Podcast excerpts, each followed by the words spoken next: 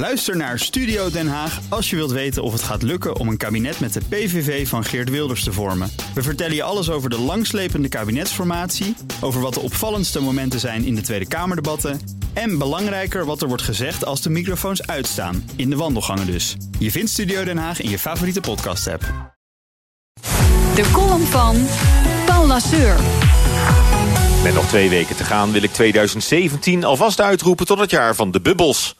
En dan maar meteen de hoop uitspreken dat 2018 niet het jaar wordt waarin al die zeepbellen uit elkaar spatten. Want daar komt alleen maar narigheid van, met slechts enkele winnaars en ontelbaar veel verliezers. De wereldwijde financiële crisis ligt pas twee jaar achter ons, maar het lijkt intussen alweer een eeuwigheid geleden. Want we hebben er niets van geleerd. Op steeds meer terreinen laten investeerders, beleggers en speculanten hun voorzichtigheid varen. Door de aanhoudend lage rente zijn ze naastig op zoek naar dat extra beetje rendement. En daarbij wordt alle schroom overboord gezet. Kijk naar de aandelenbeurzen. Die vertonen het hele jaar al een opgaande lijn. Aan de Trump-rally op de financiële markten is feitelijk nooit een eind gekomen.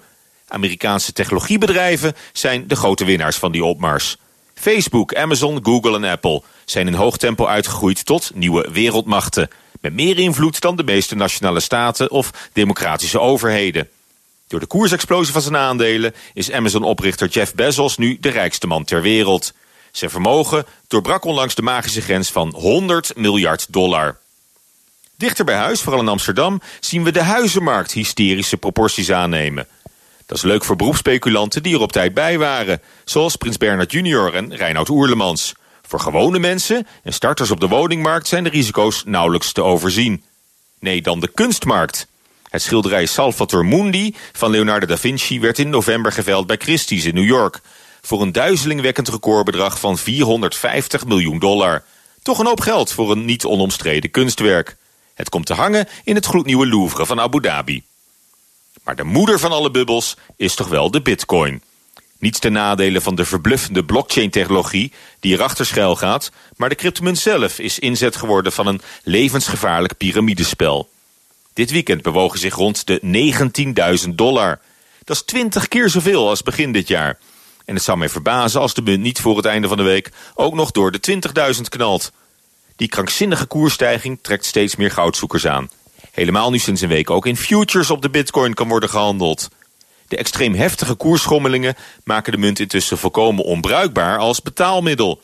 Het is daarmee puur een speculatieobject geworden. Toezichthouders en Nobelprijswinnaars kunnen waarschuwen wat ze willen. Onervaren beleggers zijn volkomen blind voor de gigantische risico's waarmee deze hype ze opzadelt. Steek dan liever je geld in vastgoed, kunst of aandelen.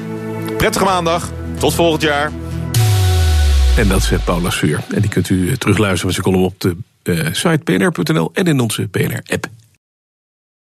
Ook Hugo Reitsma vind je in de BNR-app. Superhandig die BNR-app. Je kunt alle programma's live luisteren, breaking nieuwsmeldingen. Je blijft op de hoogte van het laatste zakelijke nieuws. En je vindt er alle BNR-podcasts, waaronder natuurlijk de belangrijkste, Boeken zijn in de wijk. Download nu de gratis BNR-app en blijf scherp.